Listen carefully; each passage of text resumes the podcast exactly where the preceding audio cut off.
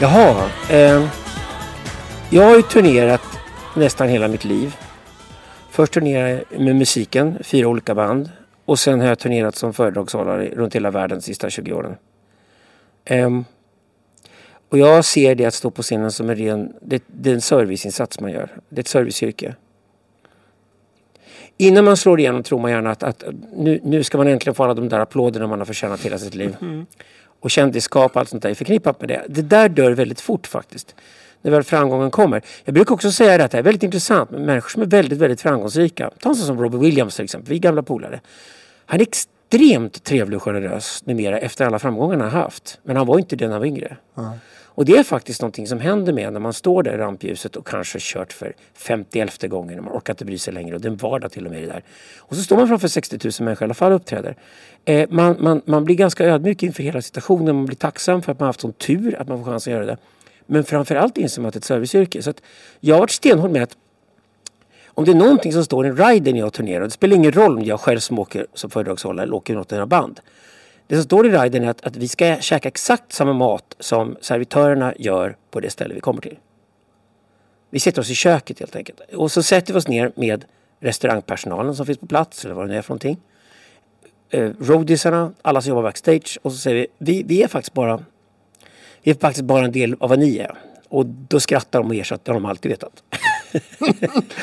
så att man får bort den där egogrejen. Så att, så att Men har det, blir- alltid varit så här? Ja, därför att det enda du vill när du kommer ut på scenen och plötsligt den där spotlighten hamnar på dig och, och två personer till vad det är som står på scenen. Det är bara att det är, en, det är en roll du spelar. Det är väldigt teatralt alltihopa. Och det är ungefär som om du tänker att det skulle vara på en bra teater. Och ni ska spela 400 föreställningar av samma jävla pjäs 400 gånger. Det är en enorm repetition. Då kommer ju det snabbt bli så att skriptan och sminkösen och skådisen och allihopa blir ett team. Och det finns ingen hierarki i ett sånt team överhuvudtaget. Det är bara olika roller man spelar. Och om man inte förstår det, om man på allvar tror när man går ut på scenen att man är något väldigt speciellt, att man är någon diva, att alla andra ska passa på en alltihopa. Ja, jag kan säga det, första gången man får en flopp, då har man ingen karriär kvar. För det är precis den artisten som ingen gillar att jobba med. Så det är inte rimligt ens att begära en massa extravaganser och, och champagne och... Nej, nej, nej, nej, nej. Det, det, det är absolut inte. Det handlar bara om att det där ska funka helt enkelt. Så att om du till exempel ska peppa upp dig och går upp på scen ska du ha energidrycken och allt det där som du vill ha för någonting. Och det är väl jävligt trevligt när man går av scenen att få champagne som serveras i logen. Men champagnen delar du med roadiesarna. Det, det är ju ditt team som har jobbat hårt. Det är ju ljudkillen och ljuskillen och, och roadiebruden. Alltså alla i teamet runt omkring är ju med i logen efteråt och skålar champagne. Det är då verkligen teamet kommer fram bakom. Precis, men det är ditt som team du pratar om ändå. Ja men alltså det är samma sak. Det var ingen skillnad upptäckte jag. Jag enda fördelen när jag började turnera på egen hand som föredragshållare. Det var att jag slapp släppa runt dels på massa jävla brudar som alltid bråkade och dels massa trumset. Det var jävligt skönt att checka in på flygplatsen och ha bara en liten, liten egen väska med sig och sig själv. Det var faktiskt jätteskön skillnad. Men egentligen var det ingen skillnad när jag landade. För att om jag är den som står på scenen så är jag en av flera föredragshållare på en konferens oftast. Och vi föredragshållare tillsammans vill ju att alla ska må bra. Speciellt backstage. Så att det handlar om att bygga en sån här teamkänsla. Det är då det blir ett bra framträdande. Så jag skulle säga att om det står någonting i riden bara att vi ska behandlas li, li, lika väl eller lika illa som restaurangpersonalen. Vilket säger en hel del om stället också. Exakt. Ja, om de käket som kommer in är skit, då vet man att den här ägaren på det här stället behandlar sin personal illa. Det här blir en riktig uppförsbacke. Och vad gör du då? Jag käkar maten, personal och får dem på min sida och så kan vi alla hata ägaren tillsammans. Jag har längtat efter det här. Ett helt avsnitt om Army of Lovers skrivet av mig och Joakim Jax om medlemsbyten, om kontroverser, internationell extravaganza och massor med hits.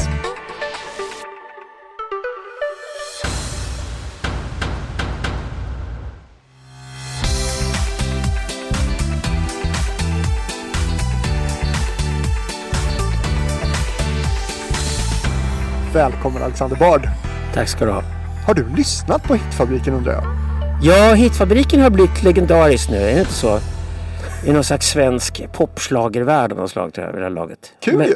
Ja, det är intressant att ni förstår ju att det, är att det ligger produktioner bakom grejerna. Det, det tycker jag är bra med podden. Eh, Det, Det intressanta blir när man jobbar fram grejerna och vad som finns backstage. Och det är också mycket intressantare än sådana där banala frågor som kändisskap och sånt där. För Mm. det, det är ju faktiskt ganska meningslöst. Och du passar extremt bra i Hitfabriken så jag är glad att du eh, vill vara med.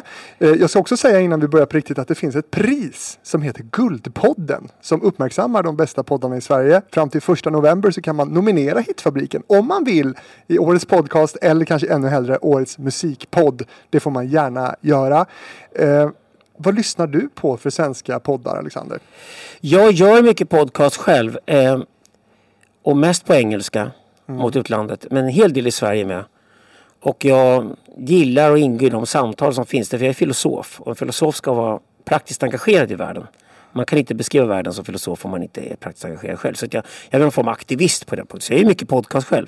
Och då har jag fått en otroligt lojal och stark podcastpublik. Inte minst unga grabbar följer mig överallt. Jag har jättemånga lojala följare som tycker det är intressant att jag går från högt till lågt i olika sammanhang. Varför just unga grabbar tror du? Det är de som följer mig. Det är mina fans. Min, jag tror att min starkaste publik idag som varumärke ligger hos 23-åriga killar. De känner att jag är en äldre snubbe som talar för deras räkning.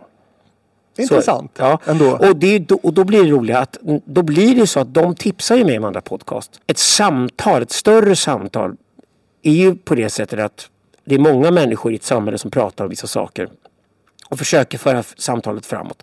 Och då blir det ju så att man lyssnar på podcast väldigt mycket eftersom det, det, det kan ju det är högt och lågt allting på en gång. Alltså, radion dog när podcasten kom för radio var bara någon slags tillplattad podcast som ingen skulle störa sig på, alla skulle gilla. Istället med podcasten så kan alla samtal vara mycket mer specialiserade och man behöver inte ta hänsyn, man kan svära mycket man vill och sådana saker. Och det är klart att det är ett mycket mer levande samtal. Och så är det samma sak med musik idag som den podcasting, att det är egentligen mötet som är grejen. Det är inte någon enskild person som är egentligen intressant utan när till exempel Alexander Bard och Aubrey Marcus. Aubrey Marcus är en av de största pod- podcastarna i USA. Och när Aubrey ringde mig och vi satte oss ner och körde ett samtal. Vi visste redan när vi snackade att det här kommer bli skitbra för att vi satt och överraskade varandra i samtalet. Jag började säga saker som där var så här. What the fuck? Did you meet Don Howard in the jungles of Peru? I did that too! Så det, och så blev det så jävla bra. Och det visste man att det här kommer bli elektriskt. Och den blev totalt viral, den podcasten efteråt. Men det var ju mötet mellan mig och Aubrey Marcus. Det var inte han eller jag som till slut blev det klassiska. Utan mötet är ju intressant. Och det är samma sak i musikbranschen nu. Med Army Lovers nu. Det är Olja Poljakova som övertalar oss att göra vår comeback. Första singeln är en duett med henne. Det följer helt av det helt enkelt. Att det spännande är mötet mellan Ukrainas största diva och det avsomnade gamla gaydiscobandet från Sverige som hon gillar. Och som möts och gör en ny låt tio år efter att Army Lovers la av. Det, det, är det, som är, det är det som gör det intressant. Ja, för det jag undrar här nu det är ju, är det en comeback eller är det, ser du det egentligen bara som en, en skiva som kommer? Det är en tillfällig comeback kan man säga. Så att jag har inte varit i studion på tio år och skrivit några låtar alls. Jag la av helt för ti- drygt tio år sedan. Och eh, jag tycker inte man kan hålla på på hobbynivå. Om man en gång varit etablerad så kan man inte hålla på och larva som en jävla amatör. Då får man bara lägga ner. Så jag la ner för tio år sedan och fokuserade mig helt på böckerna och filosofin. Och det var helt rätt beslut. Det, det, det är också det jag tänker fortsätta prioritera. Har du inte saknat musiken? Nej, det har jag inte gjort alls faktiskt. Det är snarare så att efter något år så började jag gilla att lyssna på musik igen på ett sätt som jag inte kunde göra när jag jobbade med det. För att när du jobbar som producent och låtskrivare, du kan inte lyssna utan att analysera sönder allt du lyssnar på. Och något år efter jag hade lagt av så upptäckte jag att mm, min musiksmak har förändrats. Eh, och jag sitter inte och analyserar sönder allt. Jag verkligen gillar, jag har blivit ett sånt där fan igen som diggar bara lyssna. Och det var väldigt skönt att få tillbaka den. Den grejen, lyssnaren i mig. Det Vad fick jag- diggar du för något då? Elektro, elektronika framförallt. Ja. Så det är mycket, mycket elektronisk musik. Gärna avancerade bra grejer också. Det kan vara allt från jazz till klassiskt inspirerat men det är elektronisk musik i botten. Men pop går då? Har du lämnat, lyssnar du inte på någon popmusik? Nej, jag har koll på det. Det är väl kul att följa populärkultur. Jag har koll på modevisningar, jag har koll på topplistor. Jag tycker det är kul att följa populärkultur men det är jag så lite på sidan om Mm. idag. För det, det är kul att förstå dialogen som pågår där ute. Det är kul att fatta vad som händer på sociala medier. Gillar det tycker jag är roligt. Men, men jag, jag, inte, nej, jag, jag har inte saknat det alls. Eh, jag har fortsatt att umgås med de som mina vänner i musikbranschen som bara vänner. Och de andra som jag hade, hade bara professionella relationer med, det spelade ingen roll. Eh, och sen var det också att jag skrev tre böcker först med Jan Söderqvist och jag insåg också att jag kunde inte fortsätta att skriva med honom och höja ribban ännu mer om, inte, om jag inte la ner musiken. Jag, jag, det värsta du kan göra är att sitta och göra flera grejer och bli medioker på allting. Då måste du skippa någonting och fokusera på någonting annat. Och då tänkte jag så här, nej fan i mig, filosof det är det mest av allting. Jag ska fokusera mig helt på det. De här tre böckerna som Jan och jag har skrivit de sista tio åren är briljanta. Och de har också breakat USA och sådana saker. Så att jag, jag tycker det är skitkul att vara där jag befinner mig just nu. Och det hade varit helt fel att hålla på och harva runt musiken under de här tio åren och försöka skriva ytterligare tre halvdana böcker när jag kunde skriva något mycket briljant. Så det, det, beslutet var helt och hållet grundat på att jag har så mycket tid, jag har så mycket kreativitet. Och jag måste spara på den och fokusera mig. Och så tänkte jag, okej, okay, då blir det filosofin. För musiken hade jag hållit på med i 25 år. Jag var färdig med den, hade inget mer att bevisa. Musikbranschens relation till mig var toppen. Inga bitterheter alls. Det var perfekt läge att lämna. Och spottat ur hits i decennier ju. Ja, och så gjorde jag de här grejerna som Idol. Det, det var bra. Jag satt ett par år i Talang med. Men jag gjorde de där programmen. Men idol gjorde jag ju när jag tycker man ska göra den. Det vill säga när det är payback time. Jag tycker inte unga människor ska sitta i en jury. Jag, jag tycker att det var givet att när det är slutet på din karriär i musikbranschen. Då du sätter idol För där ska du ju sitta med din erfarenhet och återge vad du ser för någonting. Så, så det var rätt kul att få göra den grejen. Men det var en tydlig signal på att jag är på väg ut. Jag ska bort härifrån. Men du är ju inte borta än. Men du, det här med, med att göra återförening då, eller göra en comeback. Eh, gillar du det när grupper gör det? Näm det är upp till var och en. Jag, jag är polare med E-Type för vi bor nere i Vadstena båda två på somrarna. Jag tycker att han är toppen och hans grej att han aldrig slutat. Han kör bara på, på, på och gör grejer och plötsligt så blir det damfotbolls-VM-anthems av honom och sen kommer epadunken och alla epadunkmänniskorna hyllar E-Type. Han är ju bara trägen vinner hela hans grej. Men han har inte heller kommit på någon annan karriär. Jo, han driver restauranger med ja, vikingtema. Ja, Okej, okay. men det kan han göra med en handen. Jag kunde inte göra det på det sättet. Så att jag skulle säga att det är väl kul med återföreningarna. Men det måste finnas en anledning att göra dem. Man kan inte göra dem för att man saknar rampljuset. Nej. Då blir det patetiskt. Det måste hända någonting. Det som hände här med Army Lovers år var två saker. Det ena var att Olja ringde. Hon ringde mig, Anders Hansson. Och hon tyckte att alla låtar hon fick från alla andra håll var banala. Mm. Pissdåliga, krigslåtar. Liksom. Hon ville inte ha det. Och hon visste att jag vill ha något mer subversivt, liksom, något smartare. Och då måste jag ringa Bard och Hansson, vem enda som gör det bra. Och det var så vi lärde känna varandra. Sen var det en grej till som hände, att Armin Lovers exploderade på TikTok. Jag tror inte någon av de anledningarna hade räckt i sig. Men när båda de två grejerna hände samtidigt så var det svårt att säga nej. Och det fanns lite låtidéer i bakhuvudet och sen så blev det en platta i alla fall. Har du, har du TikTok? Är du aktiv där? Nej, nej, nej för guds skull. Jag är 62 år gammal. Det vore ju vidrigt. Patetiskt, Nej, det är ju barn som är på TikTok. Men du, det här Arm of Lovers då, det är ju en grupp med anor verkligen. Bildades 87 liksom. Eh, och det var då Jean-Pierre, Camilla Henemark och du. Och Jean-Pierre och Camilla, de körade bakom dig. Barbie. Eller hur? Ja, eller köra, det, det, det vet inte om det var... Jag gjorde, så här var det. Barbie var ett studentspex på Handelshögskolan som fick ett skivkontrakt. Mm. Min polare var ännu längre jag så jag fick sätta på mig transkläderna. Och dragga. och jag är usel på att dragga. Men jag gjorde Barbie-figuren. Eh, och sen träffade jag Jean-Pierre och Camilla för de var ju de ballaste klubbkidsen i Stockholm. Ja, för hur var ert första möte? Det vill man Nej, men det var bara att de syntes bland alla andra. Det var säkert på Ritz på Södermalm eller någonting. Och det var de två kidsen alla pratade om för de syntes överallt. Ja. Jean-Pierre och Camilla såg man vart man var någonstans. Så det var därför. Och sen eh, var de med på Barbie-grejer. Men redan då var det klart att jag skulle inte hålla på med det där. Liksom, att, att varför skulle jag ta på en massa kärringkläder typ så jag får stå på scen med dem. Ja okej, okay. det var för att Barbie-figuren fick ett skivkontrakt och gjorde ett album. Så var Barbie klar. Och sen kom vi på att om jag bara tog av mig de där kärringkläderna och satte på mig vanliga killkläder så blev det Army Lovers istället. Och sen killkläder eller inte, det blev ju barockt såklart. Men det blev sminken då, håren då, alltihopa. Frågan är var gränserna går. Drag blir det definitivt. Men det var inte längre Barbie. Grejen var så att jag tyckte La Camilla och Jean-Pierre förtjänade att stå till mig på scenen som mina jämlikar. Jag ville ha ett band med dem helt mm. enkelt. Jag vill inte vara Barbie. Och det är det som blev Army Lovers. Hörde Mattel av sig med synpunkter på det där artistnamnet du hade då? Det är faktiskt konstigt nog inte för det, det fanns en speciell eh, produktsegment då på den tiden i alla fall som de inte kunde blockera och göra någonting av. Och sen hette Barbie inte Barbie rent juridiskt. Tror Barbie hette Barbara Hancock och sånt där. Smart. Så, ungefär som hon hade passnamn. Liksom, så, mm. så, så, att det, det, det, nej det blev faktiskt aldrig så. Barbie-figuren fick stå på egna ben. Så någon slags ironisk kommentar självklart i Barbie-dockan. Men, men eh, det är ju inte Barbie-dockan. Det är helt klart en annan figur. Så att, nej, det blev faktiskt aldrig så. Barbie gjorde sin platta och den blev kult och den spred sig i världen. Och eh, Det intressanta då när, jag, när Ola Håkansson signade mig, jag kom upp på Sonettkontoret och skulle börja göra Army Lovers, det var ju att jag kunde skriva låtar och vi skrev hits tillsammans och så låg låtarna etta på trackslistan och pengarna började komma in. Och jag kunde gå klart handels i lugn och ro medan jag tjänade pengar på låtskrivandet. Men när jag kom upp med min egen idé, då var ju Olas, det, det Ola var så betagen av, det var att det är en klassiker att Alexander Bard hade gått på Ritz och sett en Eva Dahlgren-konsert. Och min kommentar om konserten hade ingenting med Eva Dahlgren att göra. Min kommentar dagen efter var bara att fy fan vilka fula fans hon har. Jag vill inte ha sådär fula fans. Och då fattar Ola Åkesson en gång den där killen kommer garanterat ge sig iväg utomlands och han kommer inte ge sig för han har lyckats med en internationell karriär. För han måste uppträda i London, New York och sådana ställen och ha en snygg publik. För han kan inte tänka sig att stå i Stockholm med en bonniful publik och uppträda. Och det var ju sant. Det var ju precis så Armin Laver kände. Liksom, så här. Vad är en ful publik? Det var bara tråkig och grå och ful den var inte glamorös alls. Den var inte rolig. Sorry Eva. Det var inte din publik. Alltså inget ont om Eva Dahlgren, lägg märke till det. Men hennes fans 1985 var pissfula och jättetråkiga.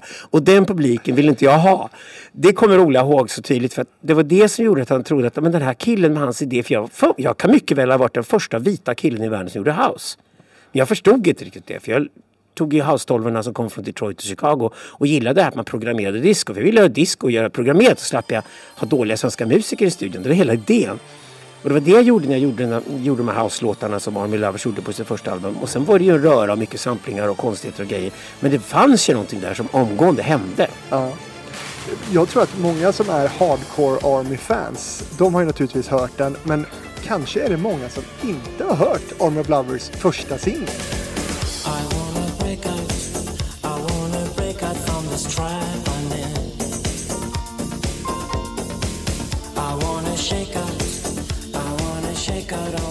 When the night is cold. Ja, den är ju lite udda för egentligen var det så att det är en jäkla bra låt det där. Men, är det? Ja, det är det. Men när jag kom upp med den till Ola Håkansson så sa hon bara så här. Jaha, vad duktig du är, sa han. Då har du kopierat mig. Jaså? Det låter ju Secret Service. Ja, jo, When the night is cold. Det gör det ju.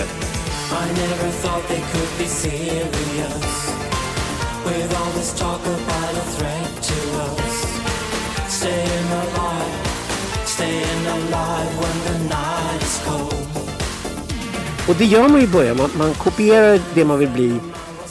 Och så sa Bola, nej, då hade jag gjort en låt som heter Shoot That Laser Beam. Så här, total underground-låt sen, men den kom ut så småningom.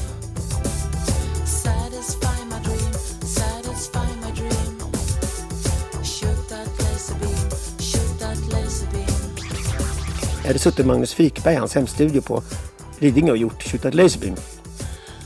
Samtidigt, och sa Bogla med en gång, det där är du, det där är Armin Lovers. Jag vet det låter udda, det är konstigt alltihopa och det är skitkul att det är konstigt och knasigt. Men det där kommer bli grejen, det där kommer bli en internationell grej. När du kopierar mig blir det bara Secret Service 2.0 liksom. Men varför blev och det var ju så? sant, det var ju verkligen sant. Så sen efter det så började vi experimentera i vilt, gjorde house-låtar och samplingsdisco och allt möjligt. Så att Armin Lovers hittade sitt sound från att jag fick nobben av Ola på just When the Night Is Cold för att den var ju för lik honom helt enkelt. Men varför blev det den som blev första singeln då?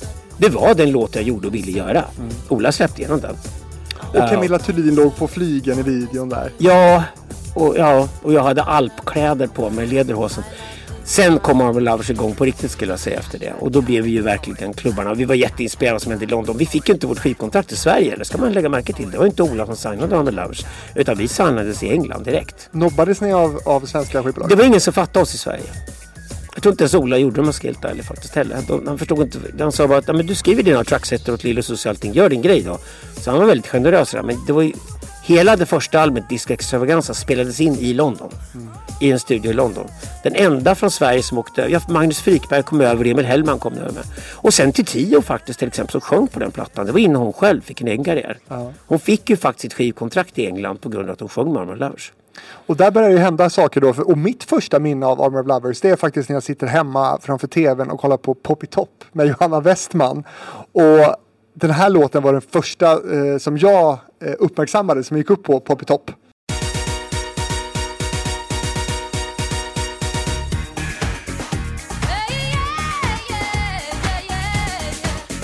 Ride the Bullet från 1990.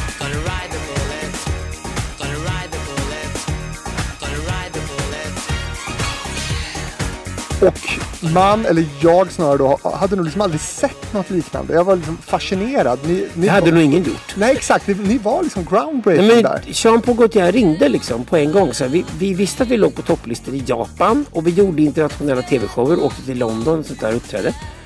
Och vi var det kultiga, snygga bandet som var roliga och hade attityd. Så det visste vi. Det fanns något där. Så skivbolagen var ju... Vid det laget var de vilda över grejen för då var vi inne på andra albumet. Eh, men det var när Gaultier ringde och ville att vi skulle gå modeller i Paris som det började ta fart på riktigt. Det var då MTV alla började fatta att det här var en grej.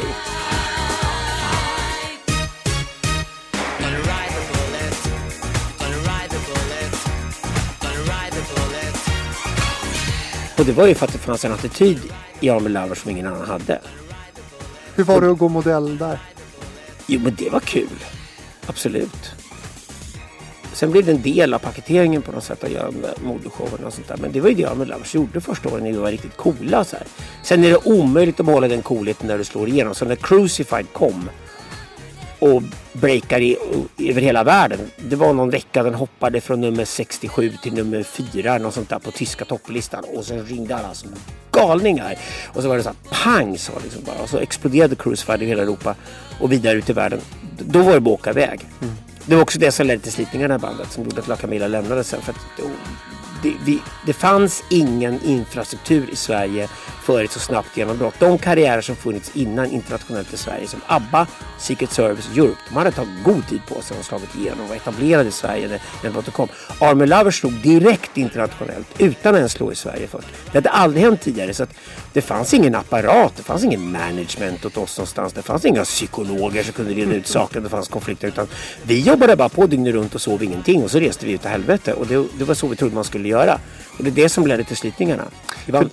För det här var ju 91 då med ert andra album eh, Massive Luxury Overdose eh, som var fullproppat med hits verkligen.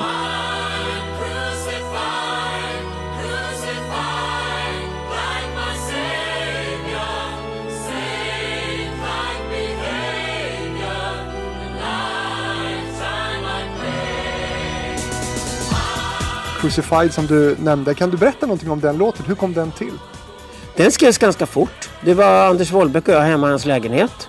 I hans hemstudio. Vi snickrade ihop den på mindre än en halvtimme. Ehm, jag gillade ackordföljden. Nynnade på den. Det satt som klister. Och sen kom jag på hooken. Och så förstod jag att vi, vi kör liksom pratsångspartier emellan. Så låter bara den här hooken mala på med en stor refräng på. Ja, sa Wollbeck. Det blir toppen. Vi kör det. Och det kändes ju redan då att det där skulle ju flyga. Absolut. Det blir, det blir liksom en, en av idéerna för Ravel Lovers låtar att ha en, en refräng som många har på och så typ Jean-Pierre som babblar i mitten. Och sen, sen det är även på nya plattan. Det, det, det, det finns ju låtar där, Romanism och så vidare, som byggda på exakt samma idé. Att vi kör Jean-Pierre först, malan han på och så, så är det en stark, hookig melodisk refräng som håller på med en kör på. Så det blir ju en, en av Army Lovers idéer. En, ett, ett, ett av sätten Army Lovers gör låtar på.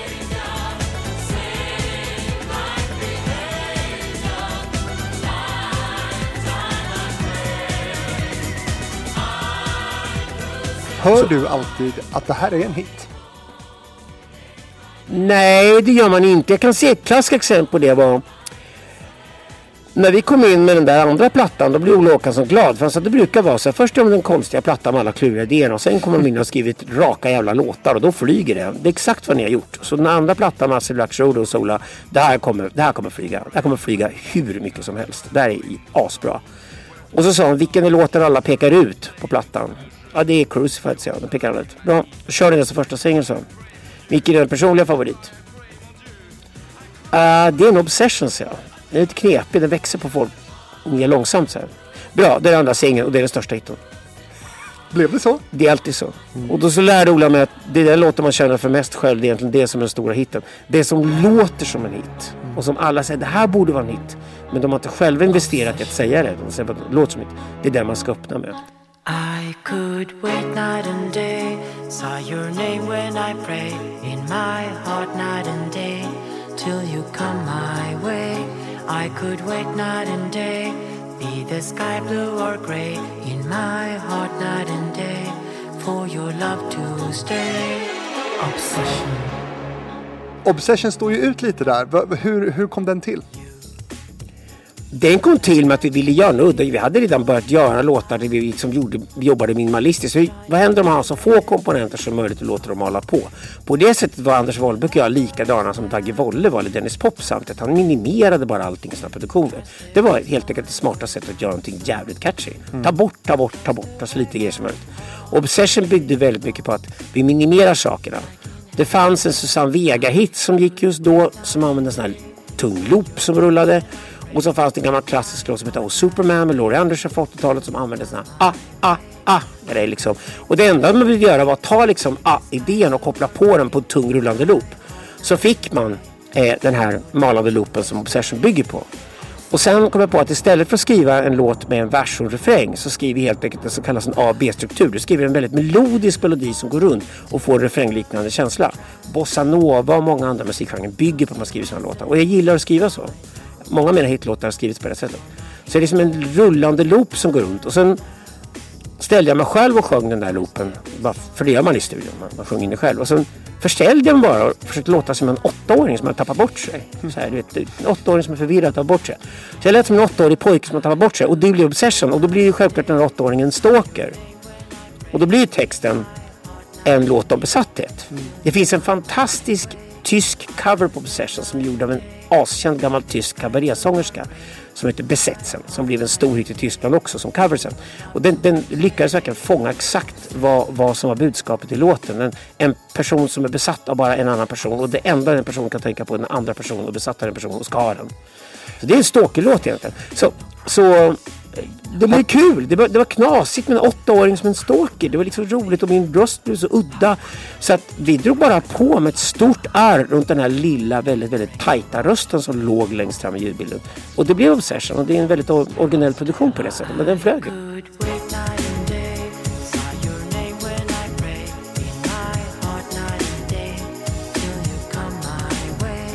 Hur många stalkers har du haft? Oj, oj, oj. Alltså riktiga. Jag har hela tiden. Jag har stalkers hela tiden. Så att de som lever runt mig vet hur de ska känna in signalerna på stalkervarning som det kallas. Men Vad är det stalkers då? tycker jag. Hur märker man? Stalkers har inte ett eget liv. De, de, de går upp i en fantasi om att du är deras liv.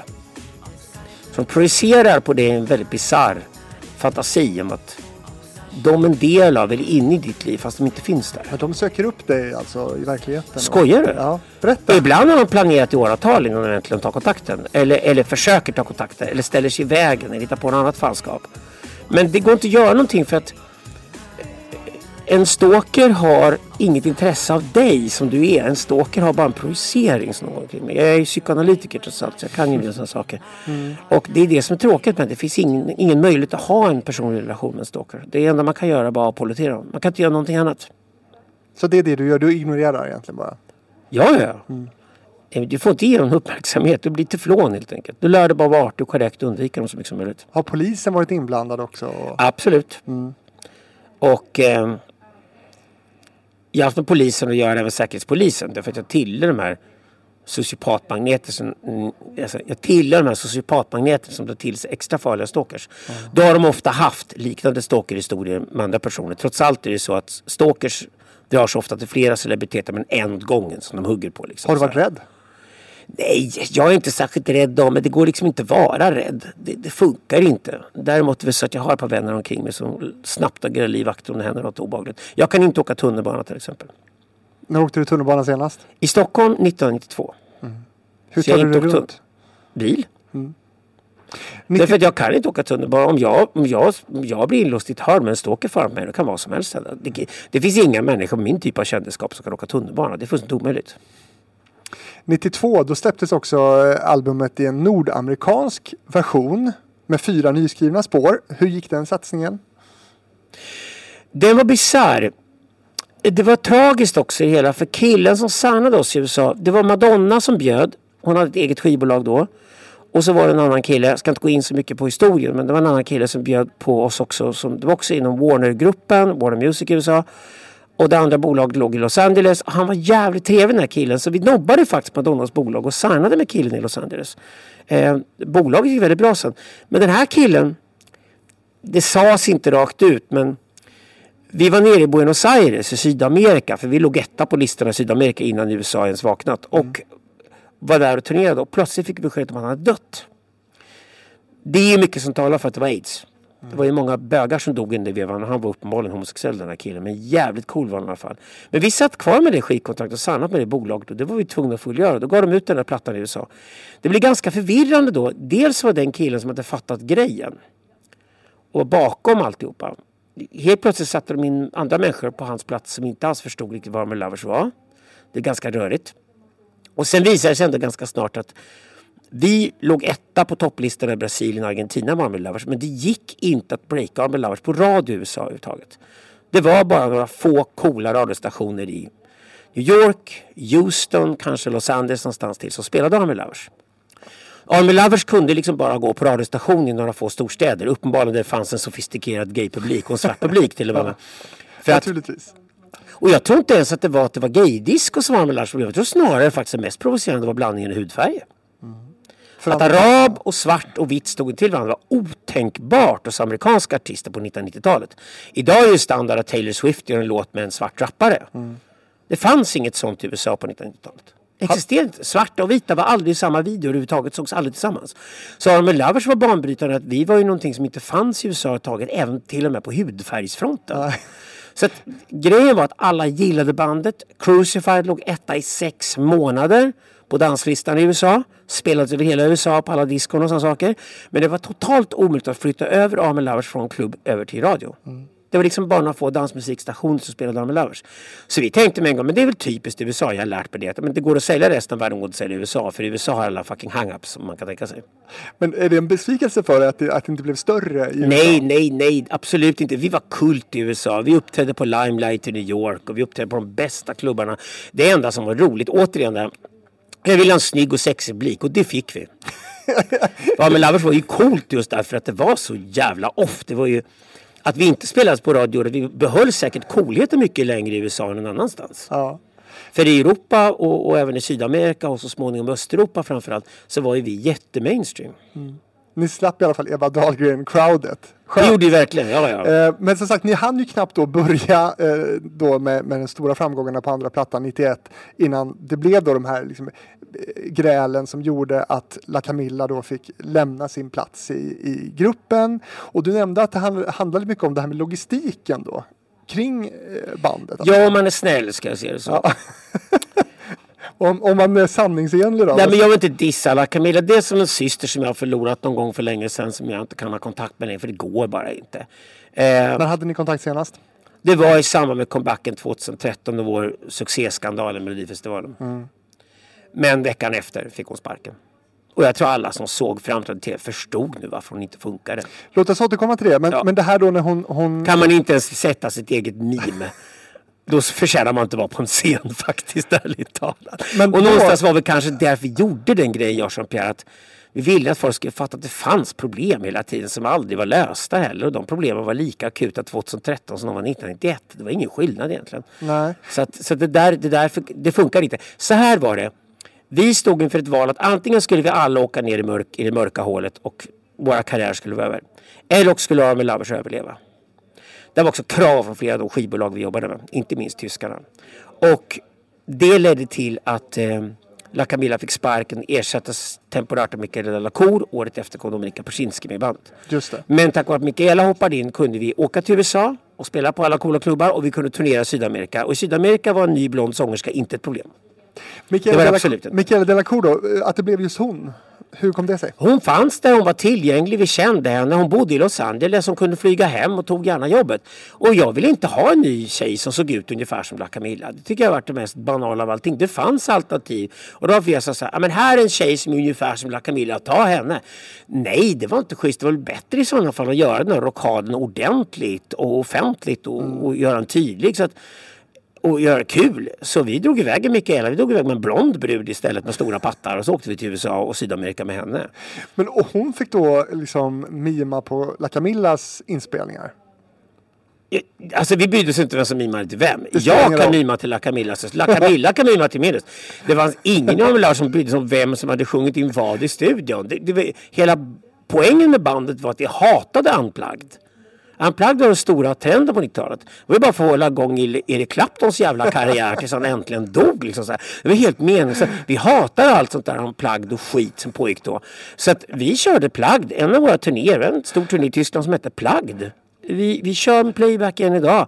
Visst, vi använder våra egna röster i studion och spelar in någonting. Men varför ska vi stå och sjunga live efter det? Ja, för det var min nästa fråga. Är det era röster man hör? Ja, det är klart det är. Fast vi har alltid, sagt att, vi har alltid sagt att det är andras röster. Okej. Army Lovers image var att vi är sådana stora stjärnor att vi behöver inte ens sjunga, vi behöver inte ens dansa, vi behöver inte göra någonting själva. Vi är så glamorösa så vi säljer miljontals skivor bara ändå. För alla vill sjunga på våra skivor. Vi kan outsourca allting. Det finns till och med en klassisk föreläsning på Handelshögskolan i Stockholm som Kjell Nordström hade på 90-talet om outsourcing. Där hela föreläsningen bygger på ett, test, på ett case och det är Army Lovers. Han byggde en hel för ett helt föredrag för företagsledare hur man outsourcar från hur Army Lovers lyckas outsourca absolut allt utom sig själva. Utan sitt brand. Men i er storhet då så blev ju det här avhoppet, om man kan säga, eller att ni kickar då La Camilla, det blir ganska stort eh, då. Eh, och, Det blir stort i de länder vi hade slagit igenom. ja, Det betyder ingenting i de länder vi inte varit i. Det var ingen i Ryssland som brydde sig. För det där kom det stora genombrottet året efter. Det Precis. var ingen i USA som brydde sig. Det, det, alltså det var Holland och Sverige en stor grej. För det var där vi hade slagit igenom i stort sett. kommer du ihåg då när ni var med i det här Stina Dabrowski-programmet och, och La Camilla kommer in som någon slags överraskning? Ja, just det. Det är, inte, det är inte riktigt så det har gått till, men okej, det har varit en konflikt i bandet och vi andra i bandet tyckte att det var den bästa lösningen som vi gjorde. Ni andra i bandet. Men vad tycker Camilla själv då? Men det får hon svara för. Ja, okej då. Camilla, är du här? Förstod det. Åh! För sig var det!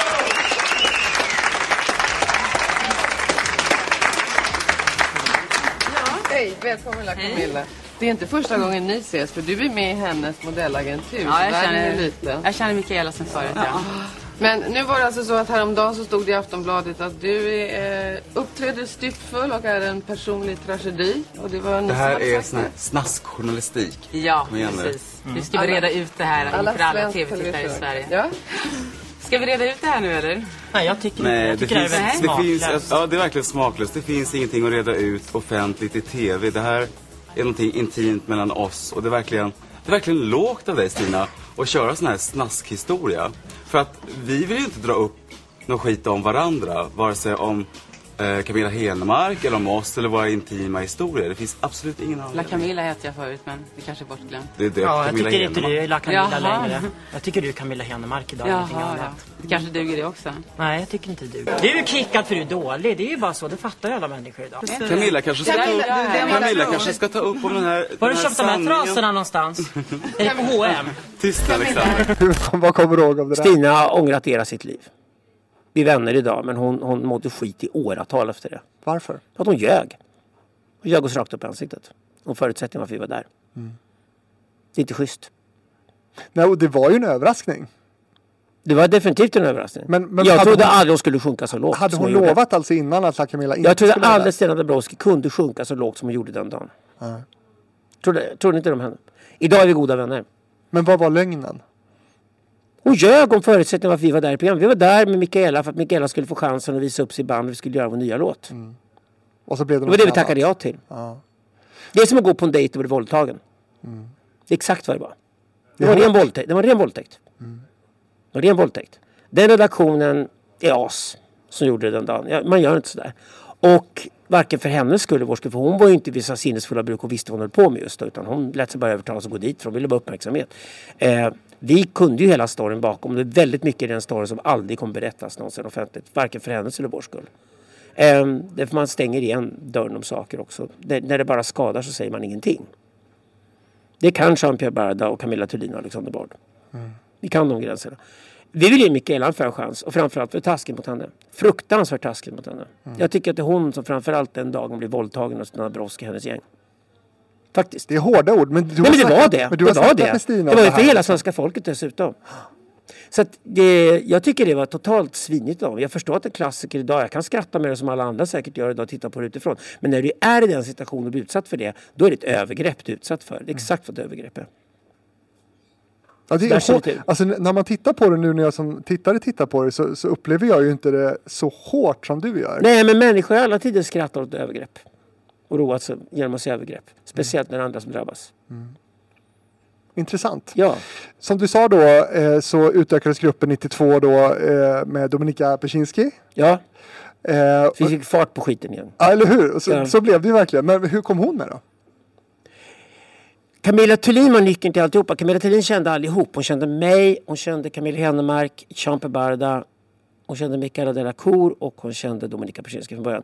Jag träffade Dominika som den här enormt charmiga, superdampade 17-åriga galna bruden som liftat genom hela Östeuropa till Israel lärt sig hebreiska på tre månader. och var extremt karismatisk. Jag blev kär i Dominika såklart. Vår relation fanns där också. Men, men Hade ni en relation? vi är en relation. ja, men en kärleksrelation. Men hon, Anders Borg och jag, är ju, det är ju en ständigt vandrande trekant hela tiden. Jag älskar Anders. Men, men eh, det gick inte att leva med henne. Det, det bara gick inte. Jag tror jag stod ut i tre, fyra månader. Vi bodde ihop. Men jag såg ju definitivt att hennes energi var väldigt kul att stoppa in i bandet. Och bandet behövde det för att Mikaela var duktig på scen. Hon gjorde ju mycket som La Camilla inte klarade av. Hon kunde till exempel dansa och sjunga på en scen i 40 minuter vilket La Camilla inte klarade av. Hon orkade bara sitta på en, på en tron och prutta och röka på. Det var det enda La Camilla någonsin orkat. Så, att, så att vi hade ju helt andra förutsättningar. Så vi kunde åka på turné. Det första vi gjorde med, bland annat i Sverige med, med Mikaela kom in i bilden var att vi åkte på riktig turné. Och vi turnerade framförallt i Tyskland. Men sen för att få fart på alltihopa så hoppade Dominika på också tåget året efter. Och då gjorde vi nästa platta. Verkligen 93, eh, The Gods of eh, Earth and Heaven. Eh, och det här är då det första albumet med er, liksom den här nya konstellationen med alla fyra. Just det. Och hitsen fortsatte komma. Israelism till exempel.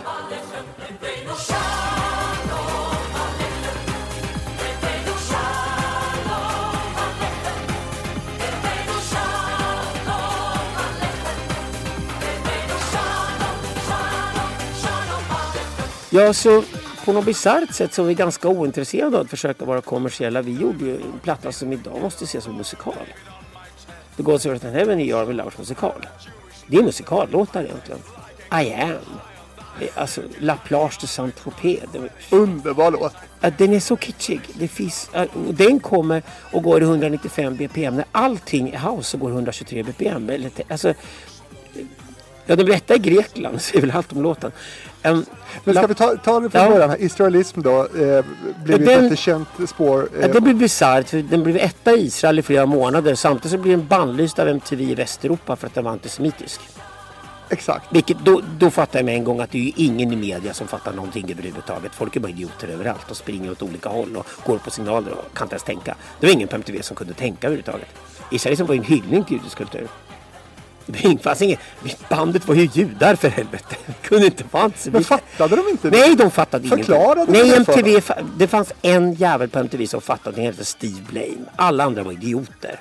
Alltså rent ut sagt idioter. Verkar idioter. Steve Blame var alltså breakararmen Lars på MTV. Han var smart. Han tröttnade och klev av. Men låg det något annat bakom? Han flyttade de till? Tyskland tror jag. Han fick ett fett kontrakt av Viva som var en ny tysk konkurrent till MTV. Och där trivdes han i många år. Jag tror han bor i Tyskland än idag faktiskt. Men Steve Blame var en nära vän. Han supportade både oss och La Camilla. Även, även när vi separerade och allt sånt där. Fantastisk kille. Han har gjort bra podcast ihop efteråt och sådana saker. Och han, han är skitnice. Han bor kvar i Tyskland tror jag. Men Steve Blame drog ju och flyttade till Viva i Tyskland. Och då fanns ju bara MTV-kontoret i London kvar. Och det var bara massa attityd och idioter med attityd som dåliga skivbolag är också. Krylla av idioter med mycket attityd. Och hur har du liksom, om det nu är Jag tror så. vi hade något möte med dem i London och förklarade vad vi gjort. Men de förstod inte ens vad jag sa. Så jag sa, vi skiter i det här då. då får vi, vi får spela på att vi bannlysta. Ja. Vi, vi gick från att vara husbandet på MTV som var sönderälskade av, av tv-stationen året före till att plötsligt vara bannlysta. Det, Men det låter nästan som att det är något annat bakom. Förstår du? Att när man inte fattar. Nej, nej, nej, nej, nej, nej, nej, nej. De- såg signalerna och sen blev det prestige i det. Så de såg någonting och så såg signalerna och bannlyste det och var förbryllade och sen bakom det så så hittar de på ursäkter för att hålla sig kvar. Så, det går, när det går prestige i beslut då är det ingen idé att bråka längre. För folk ändrar sin inte uppfattning för de, de pallar inte ändra uppfattning. Det är så mycket prestige i det. Så det var bara att glömma det.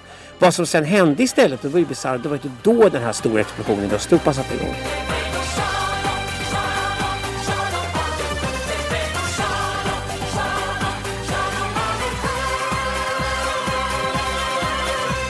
Israelism blir en monumental hit i Ryssland. Och så var vi åka i Östeuropa. Och där det, det tog en jävla fart. Det finns en klassisk upptagning från året efter, tror det är 93 eller om det är 94, när vi står i Volgograd i Ryssland och uppträder för 300 000 människor i publiken. Det är helt sjukt. På en prom på floden Volga står vi och publiken är sju kilometer framåt uppför ett berg. Liksom så här. Hur är det att vara Alexander Bard då? Det var bisarrt. Det var bisarrt. Det är inte Alexander Bard då. Det- Man, man gör sina rörelser, man gör sitt jobb, man gör sin show och så levererar man det där och sen åker man en jävla limousin med li- livvakter överallt och folk hoppar på bil och skuttar och det, det är total hysteri. Och, och grejen var att dagen före hade vi också gjort en stor rysk nationell tv-show och suttit och intervjuade och alla videorna visade i en hel timme på rysk tv. Så att efter det där var med Lovers enorma i Ryssland och blev senare också en av 90-talets största artister. Det var, det var jag tror att det var Sting och Metallica och Queen. Och så var Army Lovers. Det, det var de artister från väst som var stora i Ryssland på 90-talet. Varför? Sting var jättestor, Metallica jättestora, Queen och Army Lovers. Och det de har gemensamt alla fyra är melodrama.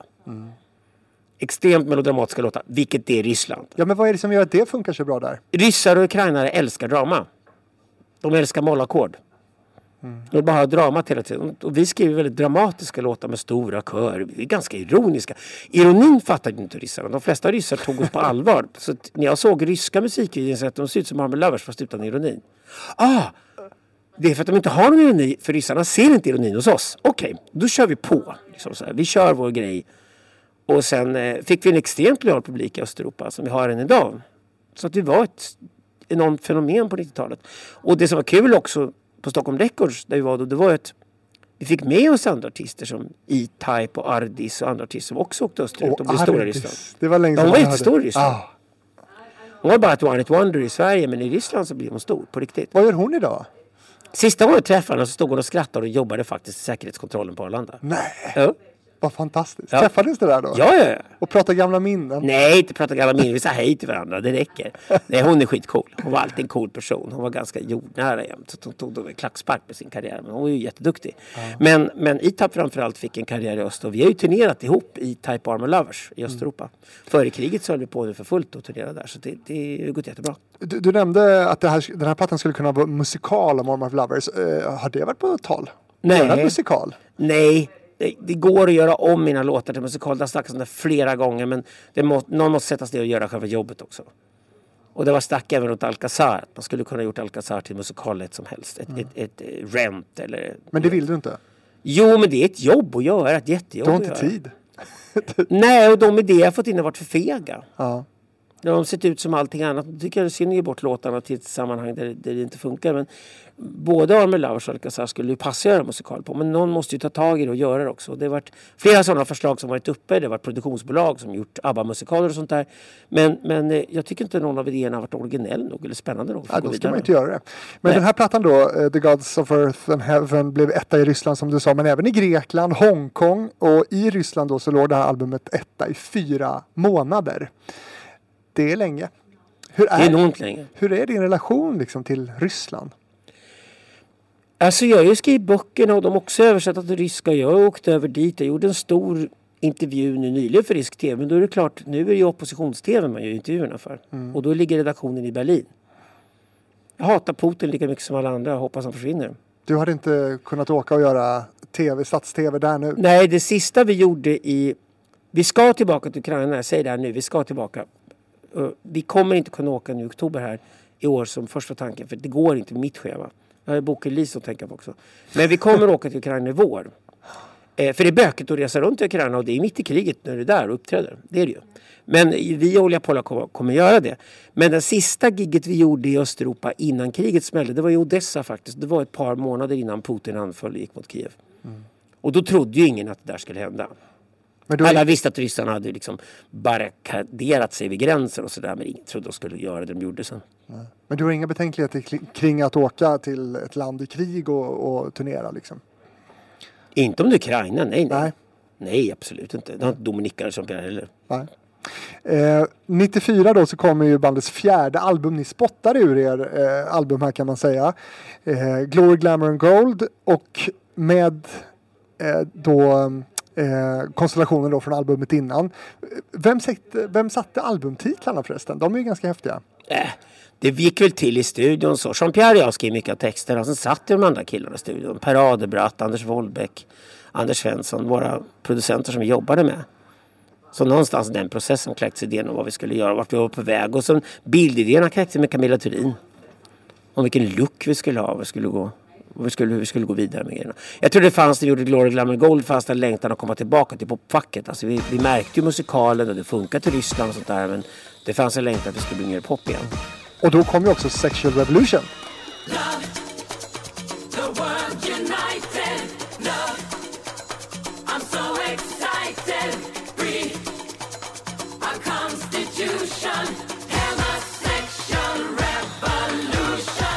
Ja, och det var ju, det var ju roligt. Då ringde Dennis Pop. Faktiskt. Han hade gjort E-Type innan och annars gjorde han ju bara amerikanska superstjärnor. Vi var ju gamla polare så att vi gjorde vår version av Sexual Revolution själva. Jag och Wollbeck skrev låten och sen eh, gjorde Dennis Pop sin version som jag tyckte var helt briljant. Och så gav vi ut båda två. Dennis Pop-versionen drog iväg som tusan på radio runt om i världen. Den stack iväg och blev en hit. Ehm, så ja, nej, men då var vi, var på banan igen. Sexual Revolution funkade överallt. Den funkade liksom både i England och Tyskland och Ryssland. Så att vi var på banan igen fullt ut. Eh, de konstiga turerna runt israelism och kanske framförallt runt att runt att The Gods of Earth and Heaven var liksom en, en musikalplatta i grund och botten. Nu var vi tillbaka till dansgolv och popradio igen och där var ju Armor Lovers bekväma så det funkade med Glory and Gold. Och albumet innehåller också en ny version av Pernilla Wahlgrens gamla hit Sedemon va?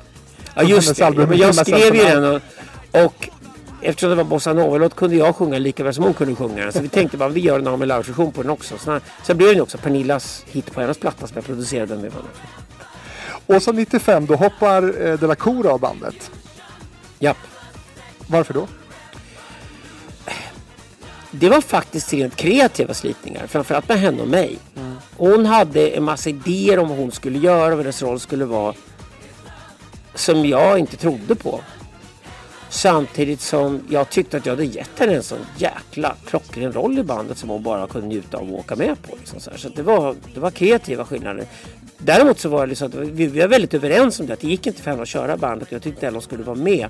Om vi var så oense om hon skulle. Jag var ändå producent för bandet. Vad var det ni var oense om? Nej, men om producent och en artist inte kommer överens, då separerar man dem. Så man, men då ska inte ni jobba ihop. Lägg ner projektet nu. Och sen, någon annan producent tar över låtarna. Eller vi börjar från början eller vad det gör för någonting. Men om du kommer till en kreativ konflikt mellan producent och artist kan aldrig bli en bra produkt av det. Det kan aldrig bli en bra platta det. Det, det, det kommer inte hålla. Vad var clashen då? Vad var det som ni inte kom överens om?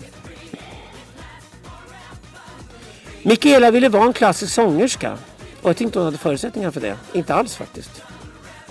Hon fick en väldigt bra roll av Armelage som passade henne bra att spela den här galna franska grevinnan. Som ju- hon ju var också. Det fanns ju blodet och allting. Hon var i sin egen story. Jag tyckte, hon, jag tyckte Mikaela var som absolut bäst när hon satt och käkade plastkalkoner på Drottningholms slott med Jean Paul Gaultier. Liksom. Då var hon riktigt bra. Liksom. Och varm och härlig och rolig och skoja om sig själv och sånt där. Och så, det, var det. Sen hade hon och Dominika konstanta konflikter. Det fanns ju också sån här... När tjejer håller på på det sätt som de faktiskt gjorde de här två damerna då måste man ta ställning för det senare. Och för mig blir det ganska naturligt att Dominika hade Dominika hade ju en slagfärdighet som var med Lovers. Ja. Du kan ju ställa dig framför vilken kamera som helst och bara pang, det är underhållning på en gång. Mikaela var ju återhållen, nästan blyg framför kameran. Kunde staka sådana saker. Däremot jobbade hon hårt och var duktig och var bra på att vara tjusig och trycka fram pattarna i kamerorna. Det kunde hon. Jag tycker Sex Revolution-videon Sex Revolution-videon har länk i rätt håll jättebra. Jag tycker, jag tycker i Mikaela och Dominika och deras dynamik var som bäst. Jag tycker det finns i den videon, Sex Revolution.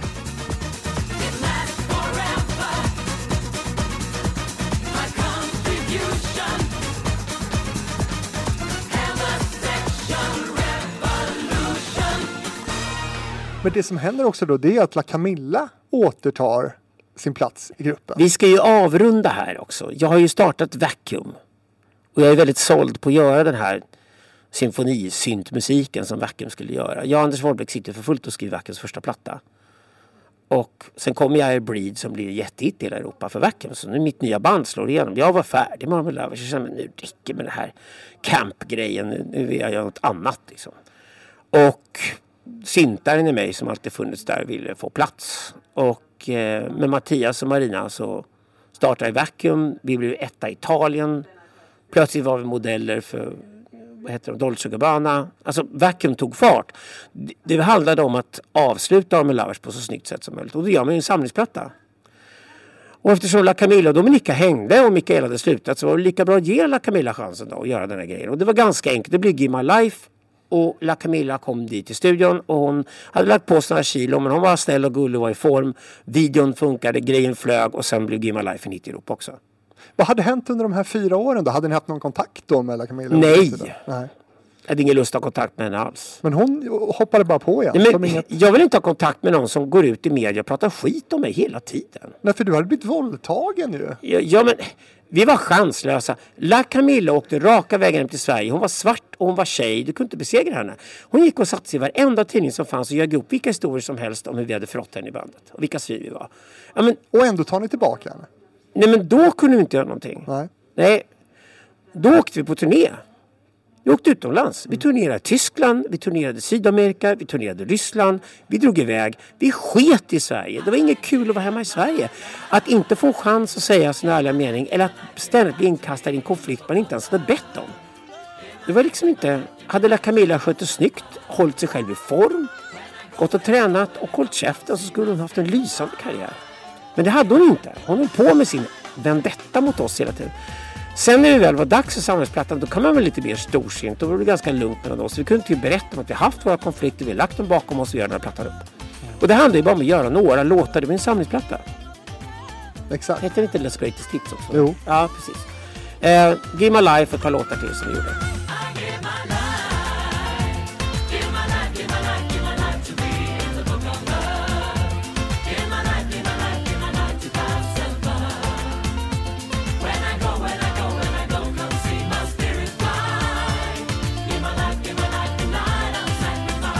Jag gjorde någon faktiskt jävligt fin låt till henne som heter Requiem till den här plattan som verkar vara så här La Camilla de babblar på med någon stor jättestor orkester bakom sig. Jag, jag gjorde vad jag kunde göra för att hon skulle framstå som den diva hon ville vara och, och få vara sin person.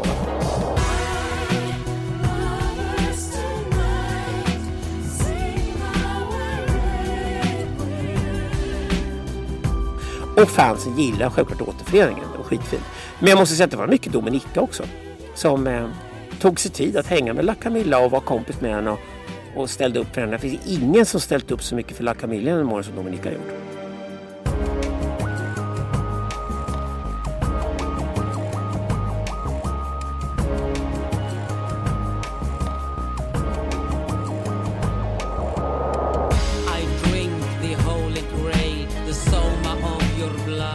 Hade inte de också något projekt ihop? Något musikprojekt? Säkert.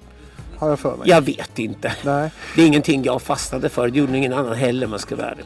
La Camilla fick ju ingen karriär. Hon åkte hem till Sverige och snackade en massa skit och sen så, skulle, så tänker jag bara så att men vad fan. Det avgörande blir ju vem som sätter sig och skriver hitsen. Det blir inte vem som äger historien. Det är inte den som någon tycker synd om som ligger etta på topplistan. Det är den som skriver bästa låtarna. Så jag koncentrerar mig på att fortsätta skriva låtar och skriva hits. för Och var La du- Camilla lyckades aldrig med det överhuvudtaget. De fick aldrig till någon låt. Jag blir så nyfiken på de här turnéerna ni ändå gör då. Stora, stora spelningar över Europa, Ryssland. Eh, vad är det coolaste du har varit med om i spelningsmässigt där? Vad är det största du har fått göra? Nej, men det är de där stora Rysslandskoncernerna måste jag säga. Som är det största jag att fått göra. Det är det absolut. Och sen finns det ju massor av bisarra incidenter. När du plötsligt står i ett fotbollsstadion någonstans i Centralasien och sjunger duett med diktatorns dotter. Och diktatorns dotter tar inte en ton i den. Och alla, även publiken, vet att det är så. Och du står där och publiken tittar på dig och jag tittar på dem. Och jag säger, ja jag vet att hon kan inte ta en ton i den. Jag vet, jag vet. Men hon är diktatorns dotter. Vad gör man? de där ironiska ögonblicken har varit oslagbara skulle jag säga. Och jag tycker det har varit mycket, mycket roligare att någonsin liksom det där klassiska slå i USA och åka på turné i USA. För det kan du räkna ut. Jag kan säga att det värsta landet vi turnerat i var i England. Varför? Det är för de är så bortskämda med artister överhuvudtaget. De behandlar artister så jävla illa. Det, det finns inget land där det är så grisigt att turnera och så dåliga villkor och där logerna är så pissiga som i England. Verkligen. Du, vad är den minsta spelningen du har gjort? Så på det sättet, Tyskland är det bästa landet i världen att turnera i.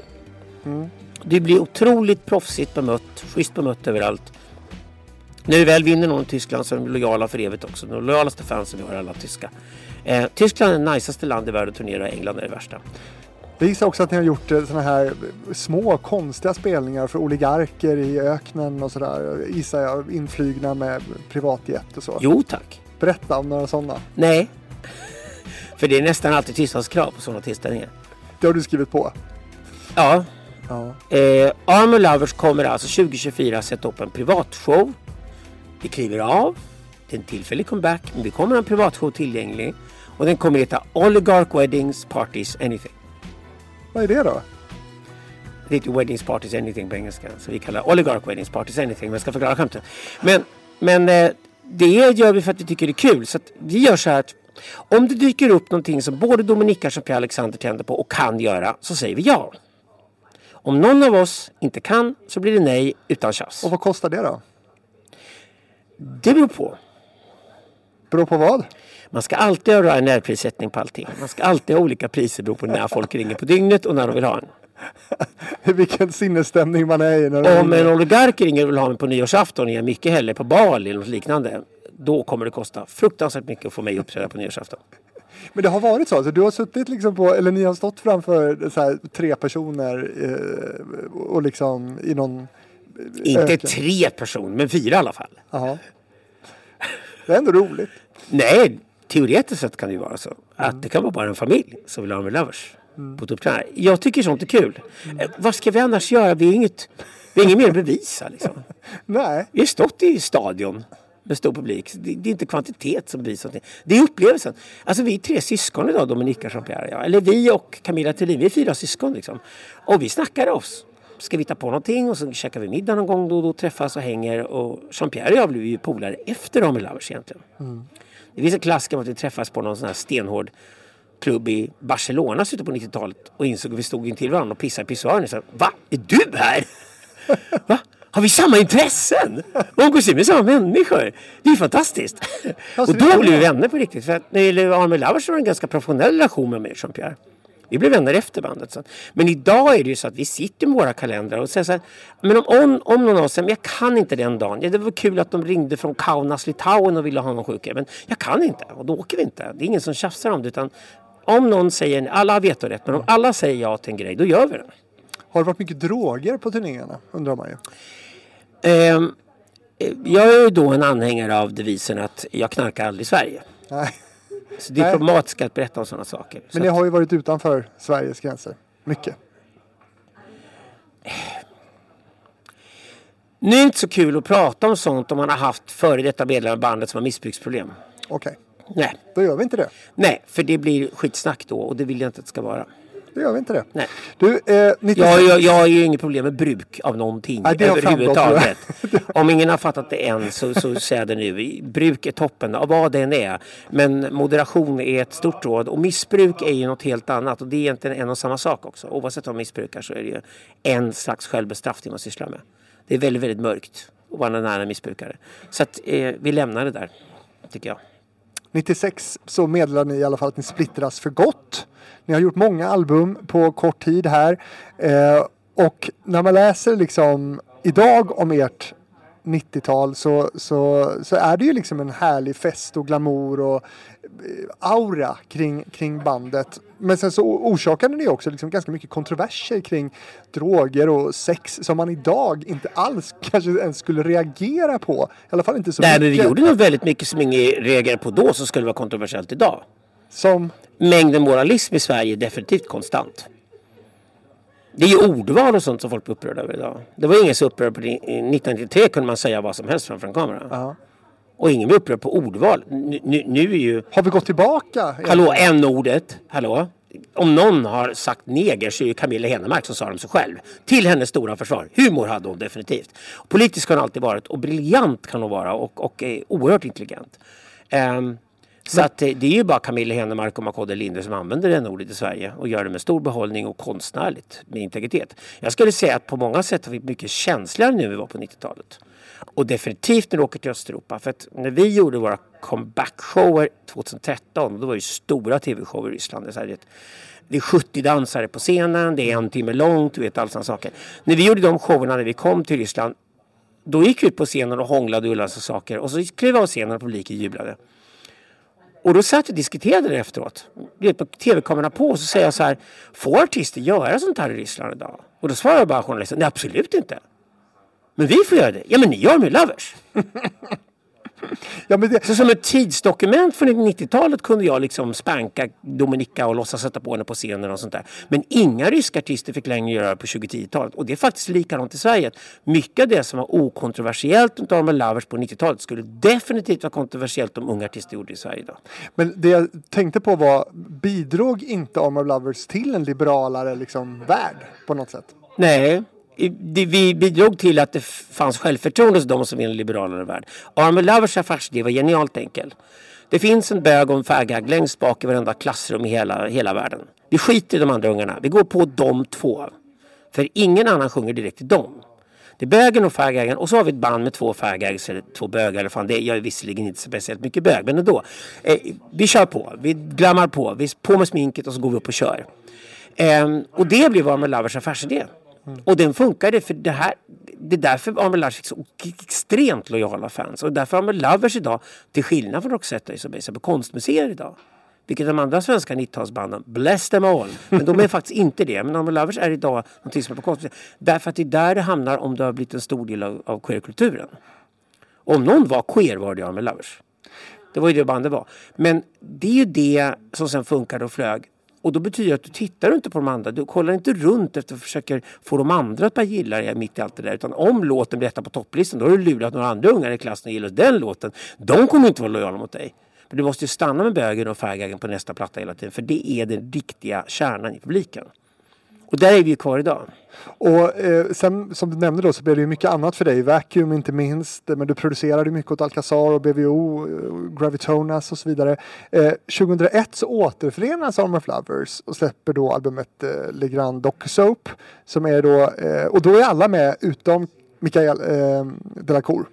Mikaela Delacour. Det är samma uppställning som på The Greatest Hits. Det är La Camilla och Dominika, Jean-Pierre och jag. Eller så här är det. Det är Jean-Pierre och jag och Dominika. Och La Camilla är featuring. Och varför Och det är så rent juridiskt. La Camilla kom aldrig tillbaka in i bandet. Nej. Utan hon var med. Fick sin andel på låtarna, fick göra någon låt. Men hon var aldrig tillbaka i bandet. Bandet ägdes efter att Mikaela Delacour klev av och avtalet löstes med henne. Så har med Lovers ägts av Alexander, Dominika, Jean-Pierre och Camilla Thulin. Det är vi fyra som är Armor Lovers. Det har varit så sedan 1994. Varför återförenades ni 2001? Därför att jag klev av Vacuum och managerade Alcazar och andra artister och hade lite tid över. Skrev de nya låtar. Det fanns ett sug efter att göra någonting med Armor Lovers, det vill säga sätta upp någon slags retroshow som kunde åka vidare. La Camilla låg på. Jean-Pierre var väl okej intresserad. Dominika sa ja. Och jag hade flera låtidéer som vi spelade in. Tyvärr var det så att två av de låtarna som jag verkligen trodde på fick vi inte göra till slut. Varför inte då? Nej, jag hade ganska mycket tur med samplingar när det gällde Alcazar. För jag använde mycket samplingar i musiken. Och med Alcazar kunde jag göra dealar som funkade väldigt bra. Men jag hade faktiskt ren otur med Our Lovers. Det var framförallt en låt som heter Somnambul som, som bygger på en sampling på en annan låt. Låten var ganska poänglös utan samplingen dessutom. Och vi fick inte göra det. Sista minuten plockas den bara bort. Vilken låt var det du ville sampla då? Nej, det, det, det går vi inte in på. Nej. Det är inte ett helt stängt det där kapitlet. Man vet aldrig vad som händer Aha, historiskt. Man ska inte gräva i sådana saker. Nej. Men, men det var så. Vi fick inte tillstånd då i alla fall att göra det vi tänkte göra. Och då gick jag in i studion med, med en producent och gjorde eh, gjorde Let Let the Sunshine In. Vi gjorde en ny version på den låten. En cover helt enkelt. gjorde. Vi behövde snabbt få ihop en Norman Lovers låt som kunde köra grejen. För kampanjen för plattan, sponsorer var klara, musikvideo skulle spelas in. Allt redan klart och färdigt. Och precis på upploppet när vi skulle ge ut plattan med de nya låtarna så ströks två låtar från plattan. Som vi inte kunde ge ut. Och Var då, det två hits då? Eh, ja, det var det.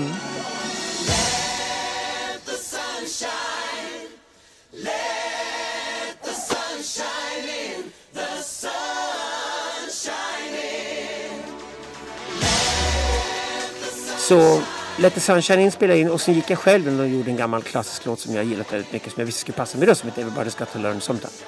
Gorgeous gamla och sånt. så vi gjorde två coverlåtar snabbt. Så att plattan är ett hastverk i betydelsen att det är två coverlåtar som ligger på och skulle driva plattan istället för de låtarna som var tänkt från början. Jag hade inte tid att skriva nytt helt enkelt. Plattan skulle ut, jag ville få projektet gjort och, och sjösätta det. Å andra sidan så var det ju ett perfekt läge att åka iväg med de grejerna. Det fanns ett jättesug i Östeuropa. Folk ville ha dem med Lovers-showen igen och de ville ha dem fullt ut och med ett par nya låtar så, så, så, så flög hela grejen. För sen blir det en ganska lång paus efter det här, 2011 till Ja, det var väldigt färdigt efter det. Ja, det kan man väl säga. Men 2011 till 2015 då satt du som du nämnde i Idoljuryn och gör mycket annat. Och sen 2013 då kom ni återförenas då igen i Melodifestivalen det året med den här låten. Rockin' the Ride med dig Jean-Pierre och La Camilla. Och varför den konstellationen utan Dominika undrar man ju då. På grund av Christer Björkman. Han ville väldigt, väldigt, väldigt gärna ha dem.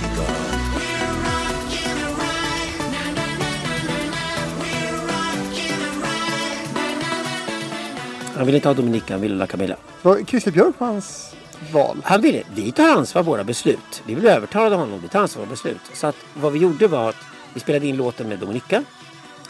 Vi spelade en annan version med La Camilla.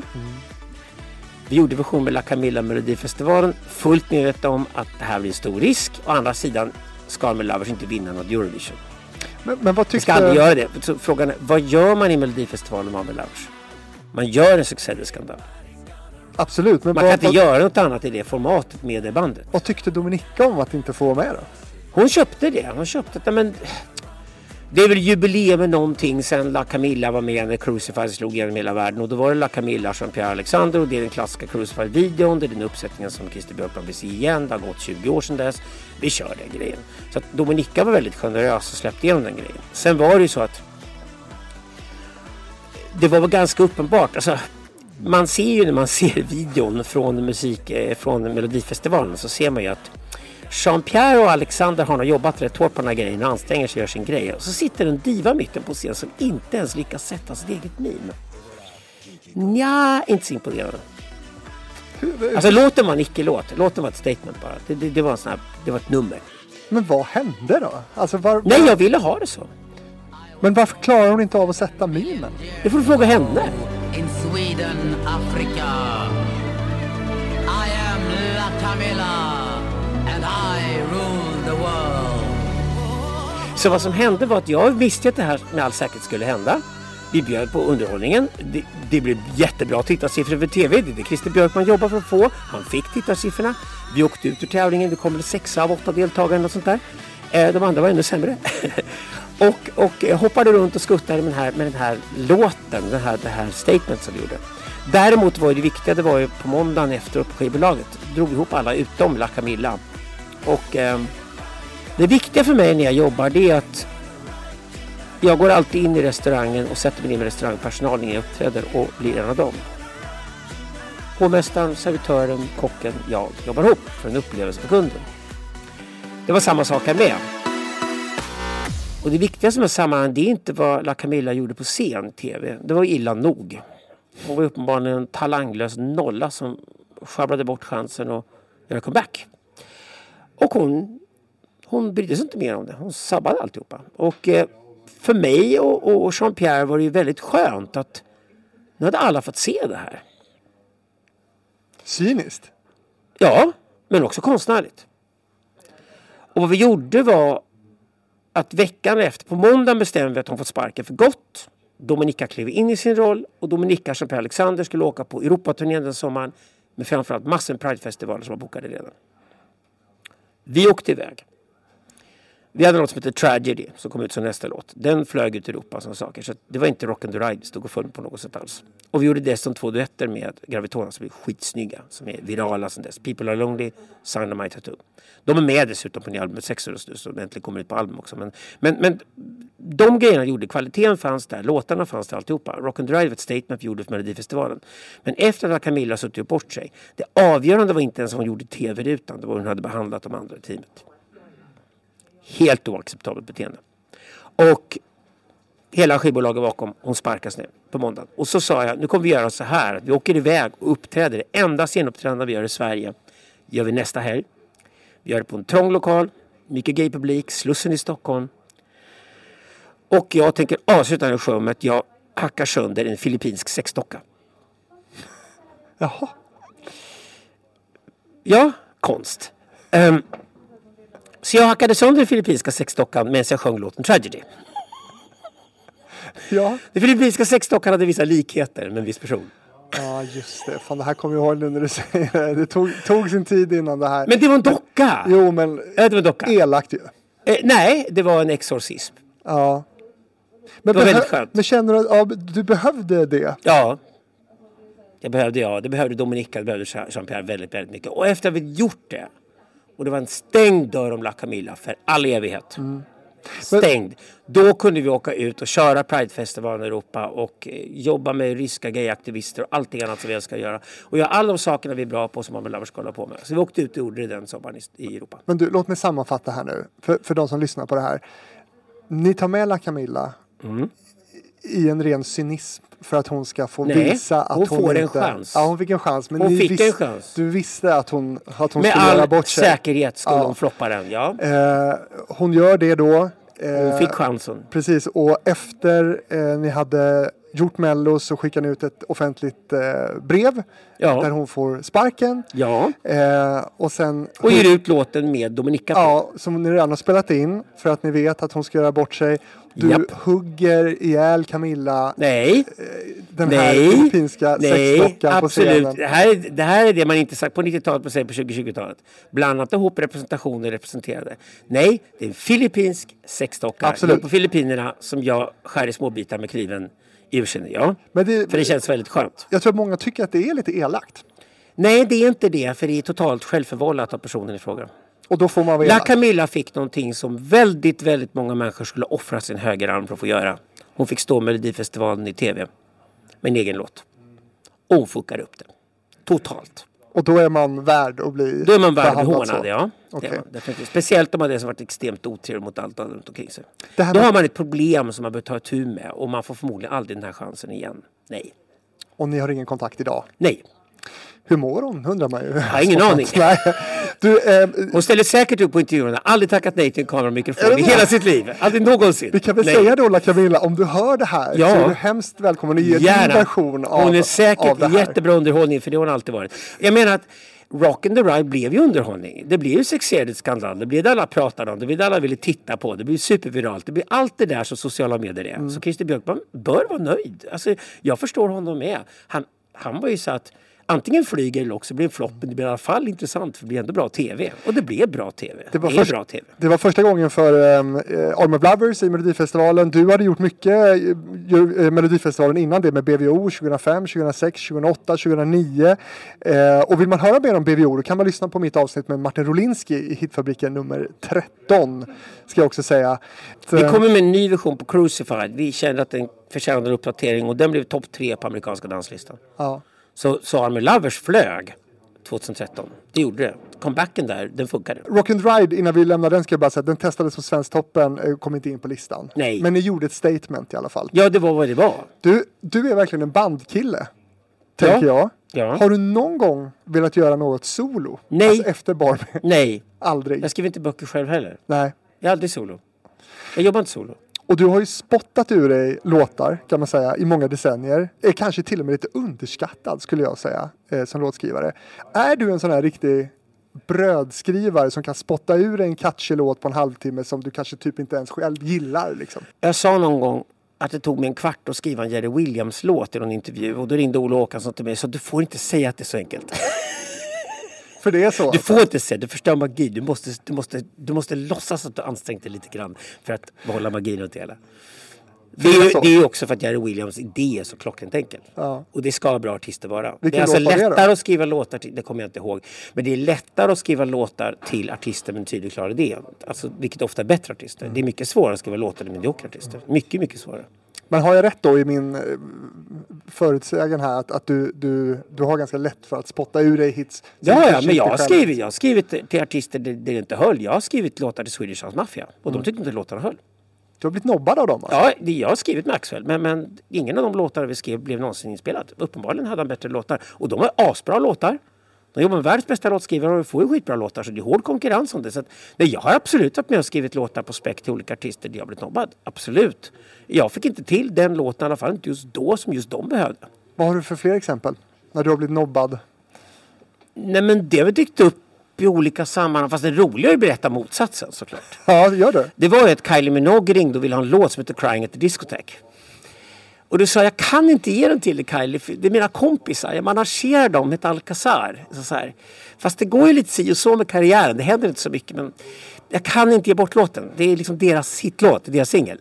Och sen några veckor senare exploderade Alcazar, först i Italien och sen i Frankrike och slog i hela Europa. Och Kylie var ute och jagade en annan låt i sin platta. Och sen träffades vi på någon stor gala i Tyskland. Det var någon MTV-gala eller vad för någonting. För att då fick priser för det årets två största hitsinglar i Europa. Och två i Europa det året var Crying at the Discotheque med Alcazar. Och etta i Europa det året var Can't Get You Out of My Head med Kylie Minogue. Hon hittade en ännu starkare låt. Det gick. Eller snarare likvärdig. Så att hon gav sig fan på att hon visste vad hon ville ha. Och när hon hittade Can't Get You Out of My Head så gjorde hon den. Eh, Vi hade jättekul. Eh, vi gick ut Alcazar, Kylie och jag firade den kvällen. Hade jättenice. Men så, det, det är de bästa historierna. Om, om apropå att skriva låtar till folk. För det hade ju varit en perfekt Kylie-låt också. Och det är också så att just den låten gjorde och Sofie 60 gjorde ett fantastiskt cover på under Corona-pandemin som blev en topp 10 i England igen.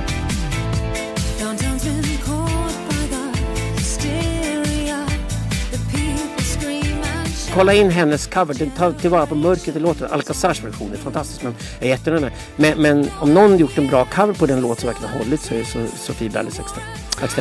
Så, det, det, den är skitbra.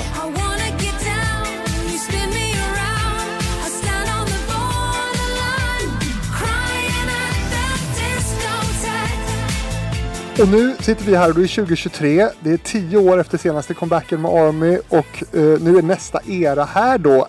Och plattan som vi ska släppa heter Sexodus och första singeln Love is Blue. Eh, och den här gången så är det med dig, Jean-Pierre och Dominika. Och det, det var en självklar konstellation den här gången i alla fall. Ja, det är vi som är Army Lovers. som har varit Army Lovers i Och vad är 25 skill- år. Och vad är skillnaden då på Army of Lovers eh, nu då? Om man jämför med det Army som, som fanns en gång på äldre. 90-talet. Vi är äldre.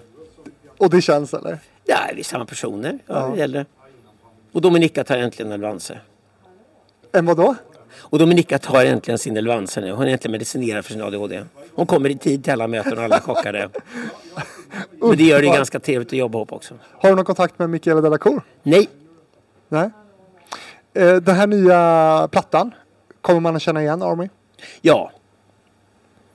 Jag försöker inte vara ball. Jag försöker inte vara nu. Eh, jag tycker det är patetiskt. Jag tycker Madonna borde flytta till Las Vegas för länge sedan och slutat göra nya låtar. Vid en viss punkt så måste du bara act your age. Så att vi har gjort låtar som är väldigt Army Lovers. Och det har varit jättekul för både Anders Wollbeck och Anders Hansson som vi jobbar med 90-talet har haft kontinuerliga karriärer hela tiden och varit i form som fan. Och jobbar som producenter än idag och är skitduktiga. Så att det var ju när de två sa ja så var det givet. Ja men det gör hälften av låtarna med Wollbeck, hälften av låtarna med Hansson. Och det är precis det vi har gjort. Hur många nya låtar blir det? Det är sju nya tracks. Två av dem är omarbetningar av gamla låtar som bygger på gamla låtar som man gör numera. Att man tar en gammal låt och gör en ny låt på den gamla låten. Eh, fem är helt nya låtar. Och plattan släpps. 24 november. Eh, på tal om act your age. Eh, åldrandet i musikbranschen tänkte jag fråga dig om. Eh, man skulle väl kanske kunna hävda att det är en ganska åldersfixerad bransch. Eh, där, där att vara ung, i alla fall tänker man att premieras högt liksom. Nej, fråga Iron Maiden.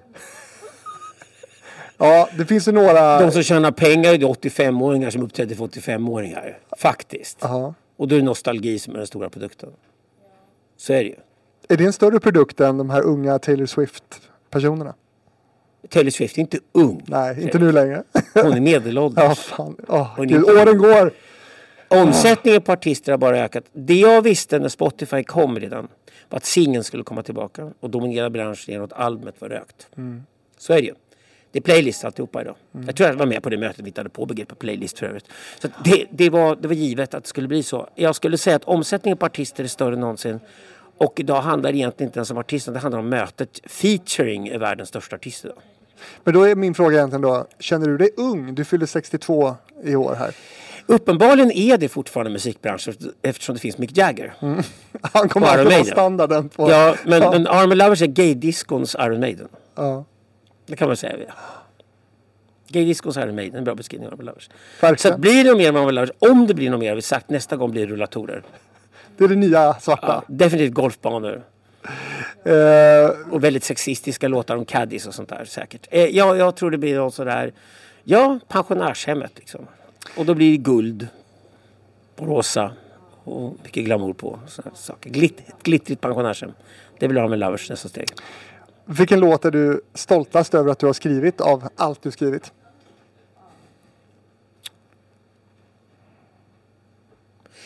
Det funkar inte så. Eh, det är som att fråga mamma vilket barn hon föredrar. Ja. Okej. En låt som är underskattad som Armor Lovers gjorde som egentligen var långt före sin tid är låten Supernatural.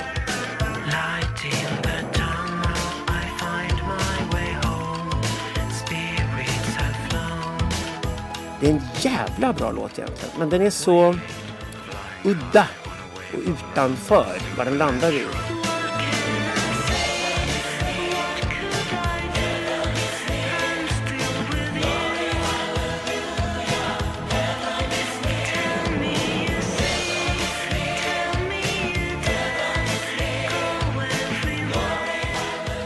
Eh, men så sett i efterhand så det, om man ska sätta någon låt som är riktigt underskattad så är det den låten.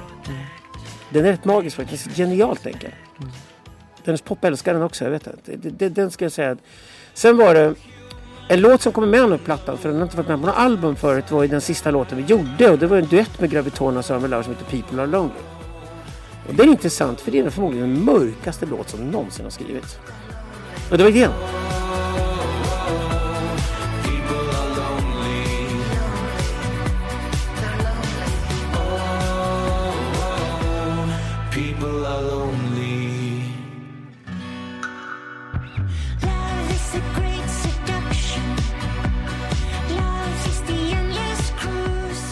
Har någon skrivit en låt som är så totalt becksvart. Liksom. För det finns något underbart melankoli. Vi skriver en låt som är riktigt becksvart och den har blivit viral. Videon till People Alone går i miljoner på Youtube. Ehm, och bara vuxit och vuxit sedan den kom ut. Det är också en sån här låt som är intressant att studera. För det är en sån här låt som mycket väl skulle kunna plötsligt dyka upp ett soundtrack på någon tv-serie liknande och så bara säger det pang och så drar den iväg. Den är så väldigt tydlig. Supernatural en sån låt med. Det här är låtar som är ganska bra att ha i backkatalogen för rätt vad det springer någon sån här låt iväg. Så People Are Lonely är en sån som skulle kunna göra det. En sån här satsning nu då som en comeback med Army ändå är på något sätt. Även, jag vet inte hur mycket tid ni kommer ha med, med den här comebacken. Men, men eh, vad, vad kostar det? Alltså, vad, går ni, alltså, vad, vad kostar en comeback med Army Lovers? Går det att sätta en, en prislapp på det? Du menar om man lägger ut Ja. för att göra en? Ja, nej, jag vill inte prata siffror. Det är tråkigt att prata ekonomi i intervjuer om musiken. Eh, vi gör investeringen själva. Vi satt och funderade med Universal Music som vi har alla kataloger hos. Eh, men vi gick med Record Union istället. Jag gillar startups helt enkelt. Och det var mycket, mycket smidigare att göra det och få full kontroll över hela grejen också. Så det är också ett annat sätt man ger ut musik på idag än man gjorde bara för tio år sedan. Det har ändrats väldigt, väldigt fort. Och för de som inte är insatta i det, vad är det de Universal? Music är världens största skivbolag och världens största musikförlag och de är grymma som musikförlag. De sätter grejer till Army Lovers hela tiden. Och en stor del av Army Lovers var på TikTok de var med och skapat den grejen. Så musikförlaget är kanon på Universal Music. Skivbolaget kanske lite sömnigare, mer traditionellt. Och då plockar de väl upp nya artister när de, när de gör någonting och så håller de fart på gamla kataloger och det gör de bra. Men det gäller att få ut den här grejen med någon som fattar den. Så när vi satte oss ner med Record Union som är en startup som, som är en slags plattform man lägger musik på. Då hamnar det på Spotify alla ställen direkt. Det var så jävla nice att jobba med så att jag kan säga det. Record Union var skitbra. Så de körde vi med. plattan. Men det är också för det är ganska intressant. När jag kommer in efter tio år och varit med under de här sista tio åren. Då har ju också hela branschen förändrats idag. Jag skulle önska att det fanns motsvarigheten till Record Union i bokbranschen kan jag säga. För det skulle alltid mycket lättare. Jag jobbade med, med ett par bokförlag och försökte få fart på dem och sparka in dem i den digitala tidsåldern. Och vi får se var det landar någonstans. Det är ganska spännande att hålla på med också. Branscherna är ju lika varandra. Men musikbranschen ligger före bokbranschen.